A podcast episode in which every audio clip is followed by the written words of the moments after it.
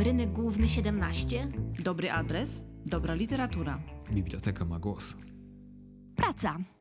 Czym jest dla niektórych sensem życia, dla innych zmorą i przykrą koniecznością, dla większości codziennym wypełnieniem, przestrzenią lub czynnością, z którą jesteśmy związani przez większość życia. Znalezienie tej właściwej, satysfakcjonującej wydaje się być tak samo ważne jak wybór partnera czy partnerki. Połowa osób twierdzących, że w każdej chwili porzuciłaby swoją pracę, gdyby tylko mogła, nigdy tego nie zrobi. Badania pokazują, że nawet ci, którzy wygrali na loterii, nie zmieniają swojego dotychczasowego rytmu.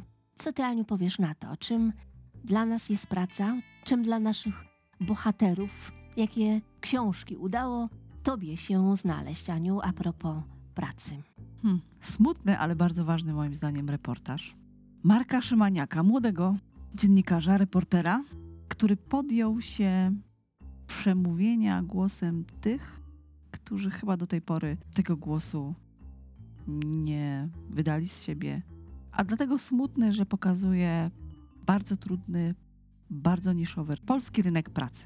A Aniu, nie masz wrażenia, bo mówimy oczywiście o książce Urobieni, o reportażach o pracy, że tak naprawdę ta książka jest dlatego tak przygnębiająca, że nie ma tam niszy, w której moglibyśmy się dopatrzyć choćby cienia optymizmu. Niezależnie od tego, czy mowa jest o dziennikarzu, czy o pracowniku fizycznym, o sprzedawczyni w sklepie, czy o przedsiębiorcy prowadzącym własny biznes, no jest to dosyć pesymistyczny obraz tego, jak wygląda rynek pracy w Polsce obecnie.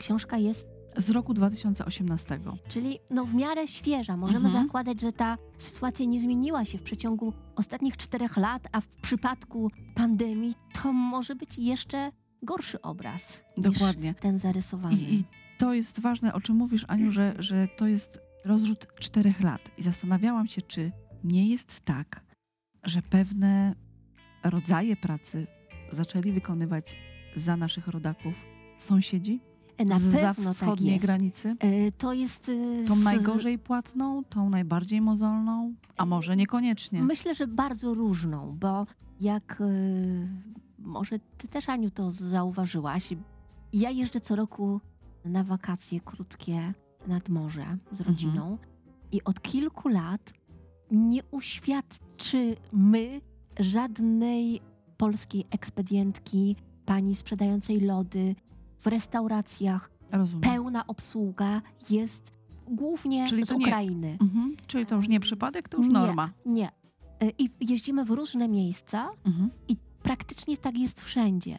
Niezależnie też od rodzaju miejsca, czy to jest mała budka, czy to jest świetnie prosperująca restauracja, Wszędzie tak samo. dominują osoby Ze wschodnim Tak, akcentem, tak, tak. to prawda. I jeden z... na stacjach benzynowych, tak o, samo. to prawda. W McDonaldach, po drodze, jeżeli się tam gdzieś zatrzymujemy, też y, zdarza się, że osoby mówią z y, obcym akcentem. Bo warto dodać, że w tym mm, zbiorze reportaży jest też jeden z nich, gdzie bardzo wykształcona Ukrainka Mhm. pracuje w Polsce, sprząta po prostu, żeby utrzymać siebie, swoje dzieci, które zostały w domu.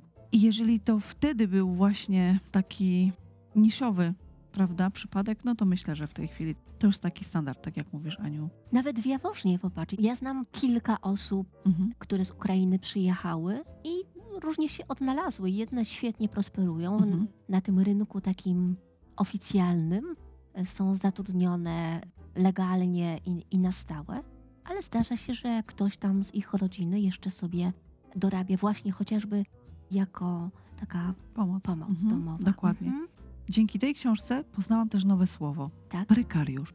Prekariusz, proszę Państwa, to członek oddzielnej klasy społecznej.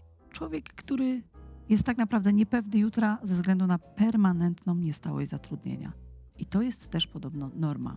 I taki króciutki cytat z książki. Prekariuszom przysługuje jedynie wynagrodzenie. Nie mają żadnych innych praw, płatnych urlopów, socjalnego wsparcia, profitów czy premii, z których korzystają ich kilkanaście lat starsi przełożeni. Pracują poniżej kwalifikacji, nie wykorzystują swojej wiedzy, nie rozwijają się i często tkwią w marazmie. Choć są gotowi latami pracować na swoją pozycję i bonusy z nimi związane, to nie mogą liczyć też na awanse. W efekcie prekariusze to półobywatele zakleszczeni w wiecznym zawieszeniu, bez perspektywy na zmianę i stabilność.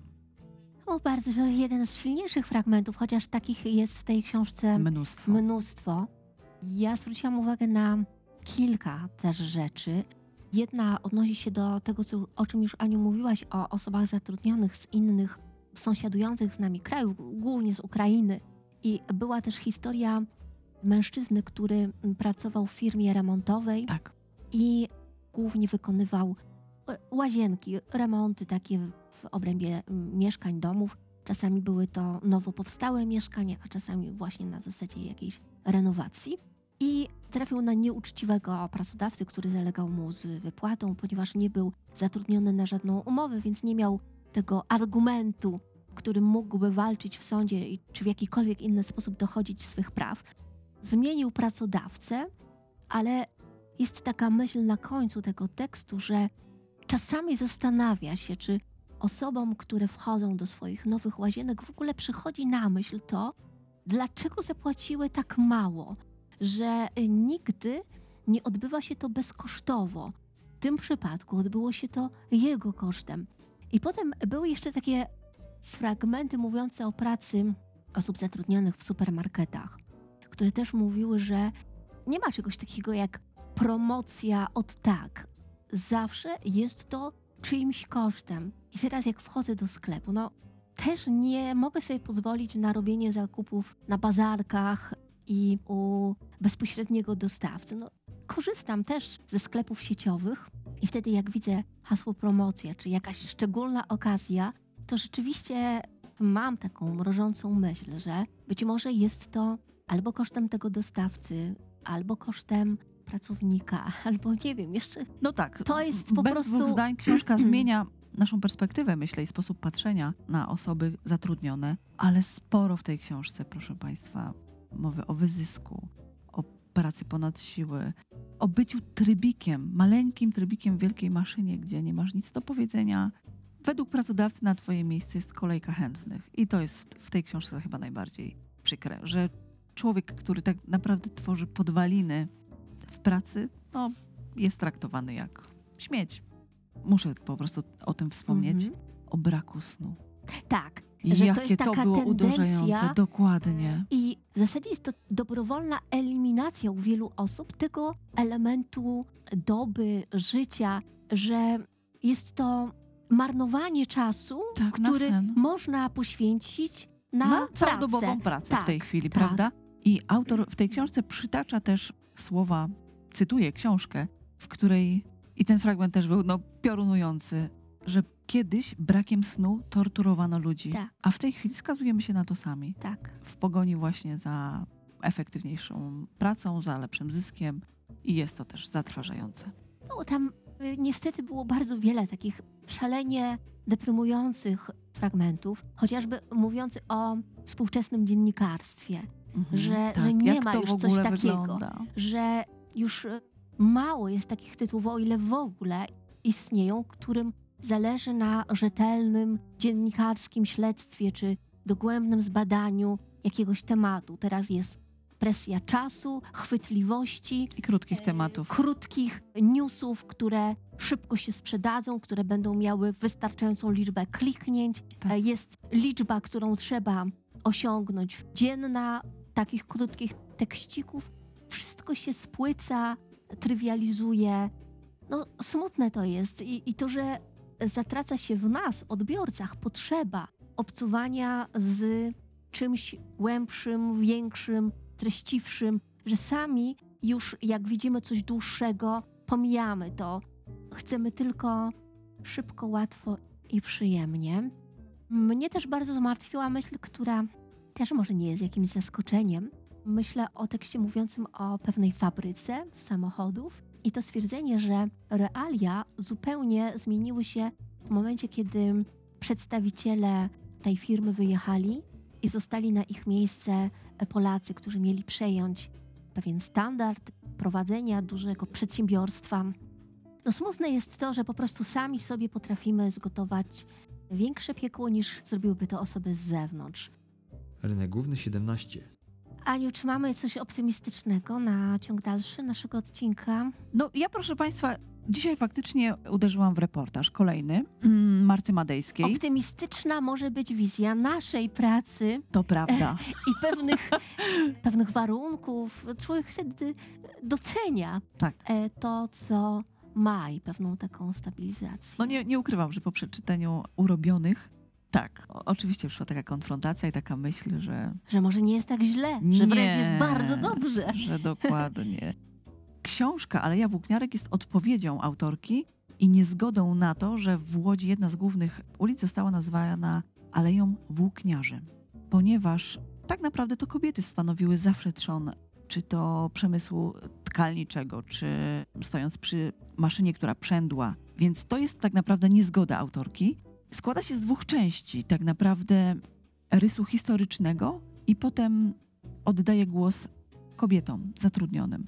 I to jest jedyny minus tej książki tak naprawdę, że moim zdaniem troszkę za bardzo przegadana i więcej z kolei, jak w przypadku naszej pierwszej lektury, mogła oddać głos pracownikom. Mhm. Ale ktoś, kto lubi historię, ponieważ przegląd od faktycznie początku tworzenia się przemysłu włókienniczego w Polsce poprzez czasy powojenne do czasów współczesnych, myślę, że to będzie świetna lektura.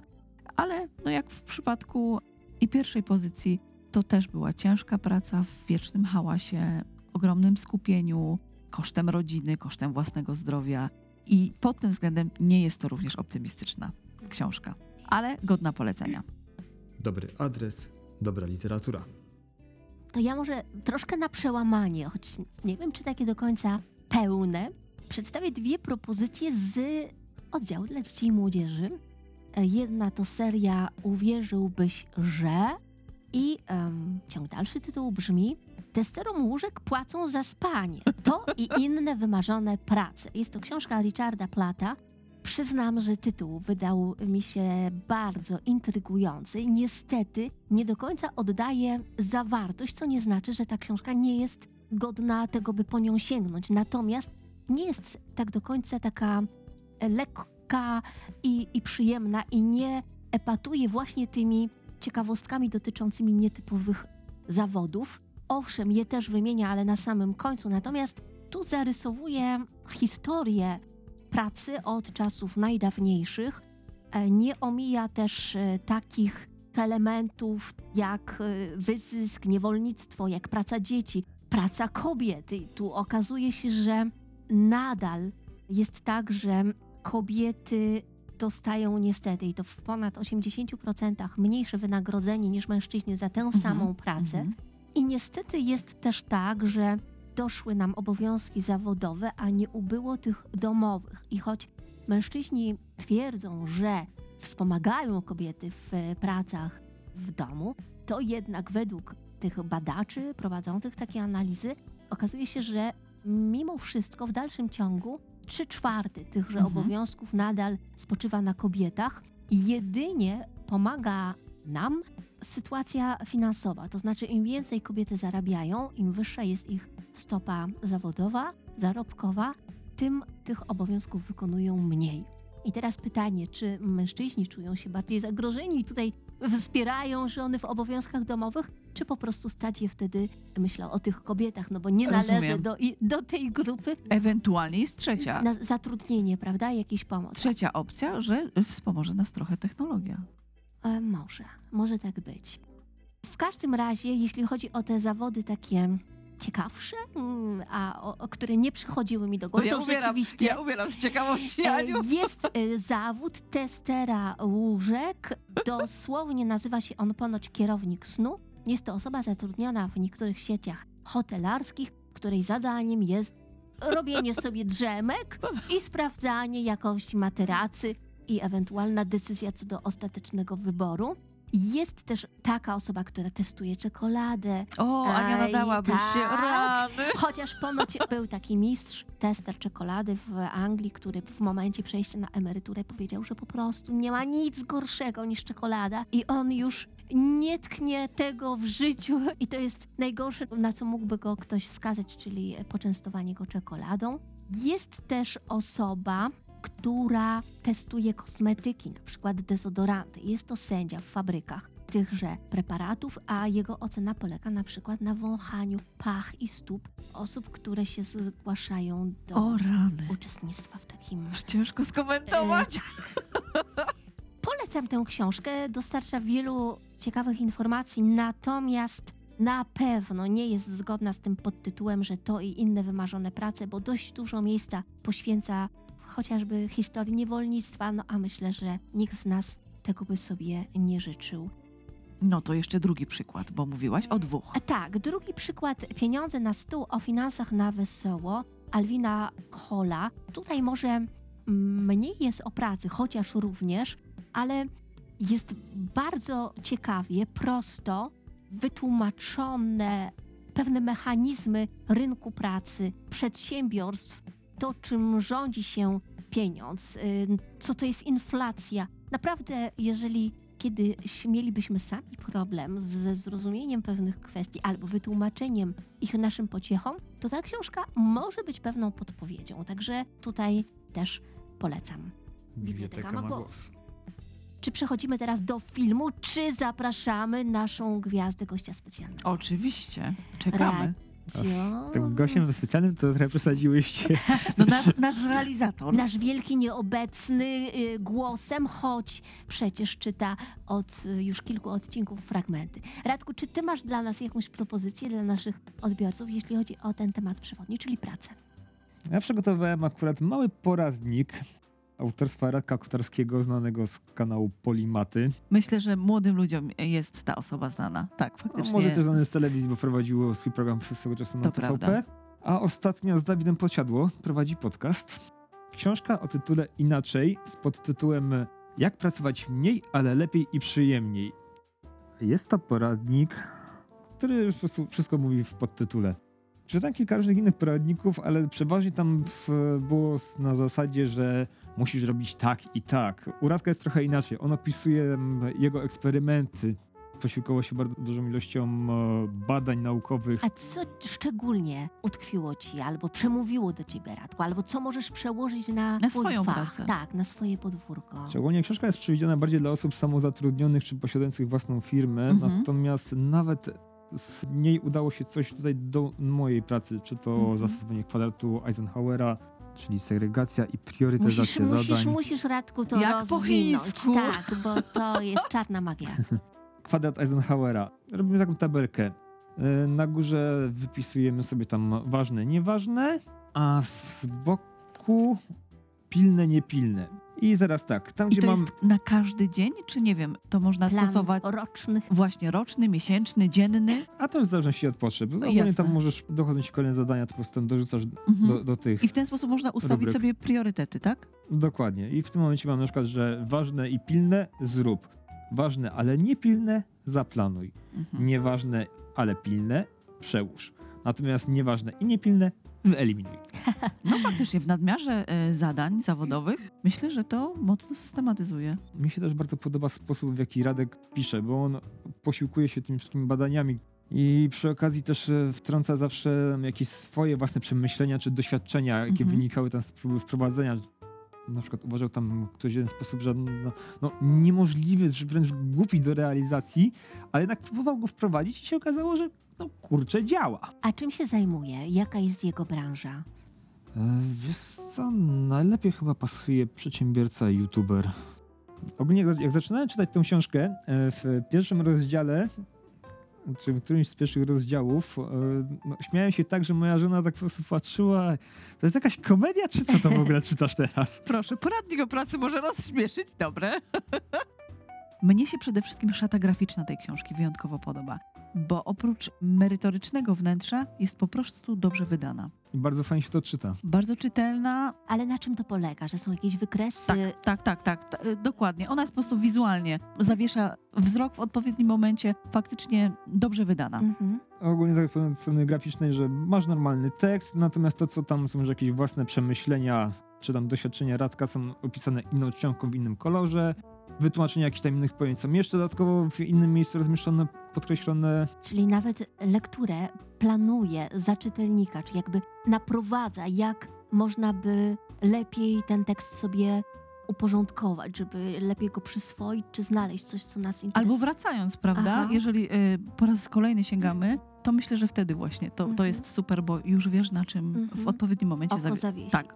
zawiesić oko. No dokładnie. każdy rozdział jest jakoś podsumowany, są tam jakieś wytyczne czy zalecenia, czy chociażby nawet zadania w niektórych przypadkach, Mhm.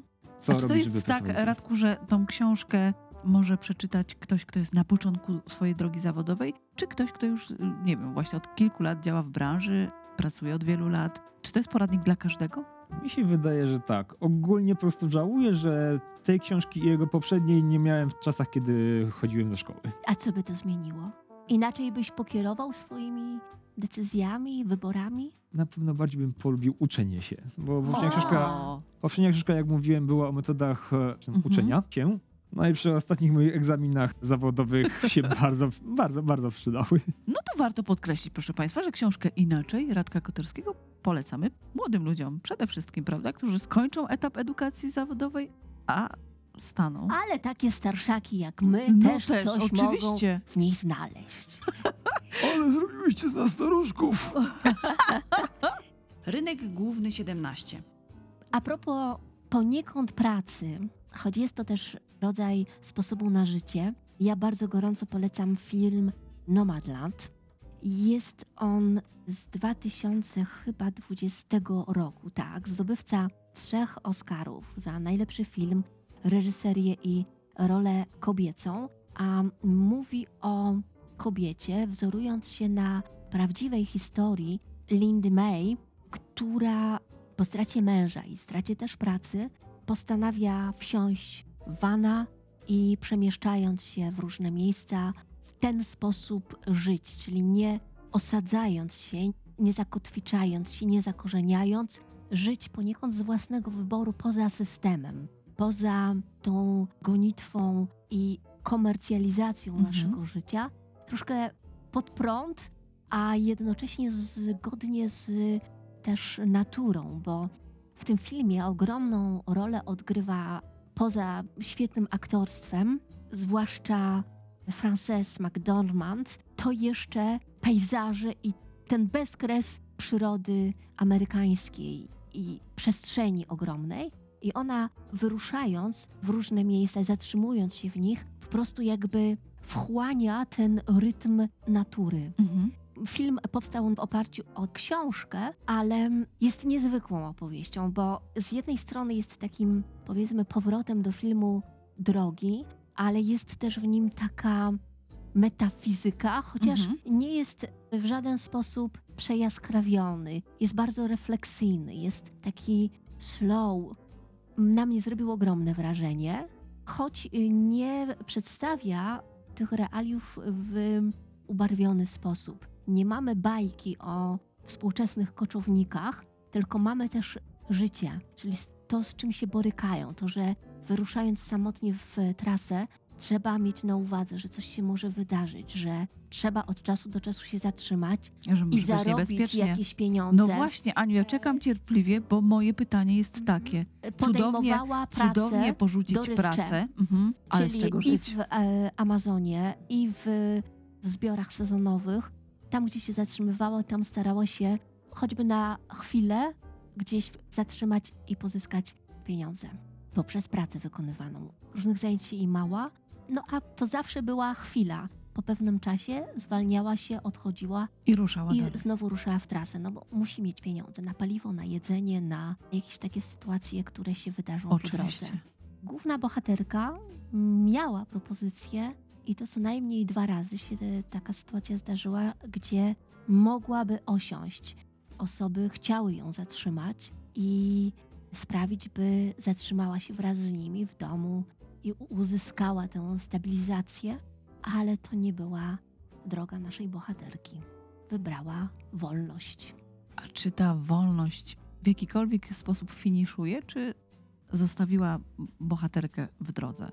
To jest taka urwana historia, O, przynajmniej właśnie. filmowa. Mhm. Nie przeczytałam książki. Po prostu w pewnym momencie jakby jest takie zakończenie, ale nie, nie wiemy, co się stało dalej. Mhm. Jak się, Jak no możemy i- przypuszczać, że, że po prostu z tej drogi nie zejdzie, to znaczy będzie się dalej przemieszczać Póki swoim wanie, starczy. tak, póki Mhm. wystarczy sił. Tam były takie momenty, kiedy ktoś z grupy, bo od czasu do czasu się spotykają, jest taka formacja właśnie nomadów prowadzona przez Boba Wellsa, autentyczną postać działającą w Stanach Zjednoczonych, która w pewien sposób też wspiera osoby wybierające taki sposób życia, ale to wsparcie jest na zasadzie rozmowy, pewnego y, rozbicia się na terenach niczyich, czyli bez zagrożenia, że będą musieli się szybko ewakuować, ale to jest moment. To nie jest tak, że koczują we wspólnym miejscu, zakładają osadę i, mhm. i zaczynają już funkcjonować jak małe miasto, tylko no, w pewnym momencie ich drogi znowu się rozchodzą, by za jakiś czas ponownie się na trasie spotkać. A nie wyobrażasz sobie takie życie? Nie. No właśnie. Było coś w tym pięknego, ale wiem, że nie dla mnie. Nie Ja też potrzebuję momencie, stabilizacji. tak. Mhm. i też pewnego choćby minimum do funkcjonowania. Myślę o takich codziennych rytuałach, tak, jak tak, tak, mycie, tak. toaleta. No jednak funkcjonowanie takie w drodze byłoby dla mnie zbyt trudne. Abstrakcyjne wręcz, Abstrakcyjne. ale godne tak. Tak, pozazdroszczenia. film przepiękny, także polecam gorąco. No i miałyśmy też wspomnieć o drugim filmie, tym Tak. razem polskim z 2012 roku Marii Sadowskiej, Dzień Kobiet. Dzień Kobiet, który ukazał się nomen omen podobno 8 marca. Tak. Była premiera. Fenomenalna rola dla mnie Kasi Kwiatkowskiej. W ogóle tej Tak, autorki. chociaż miała też świetnego partnera, czyli Eryka A ja mam Lubosa. wrażenie, że Marysia Sadowska w ogóle kocha się w Eryku Lubosa, Lubosie, ponieważ przecież w no, w sztuce, sztuce kochania, o! tak.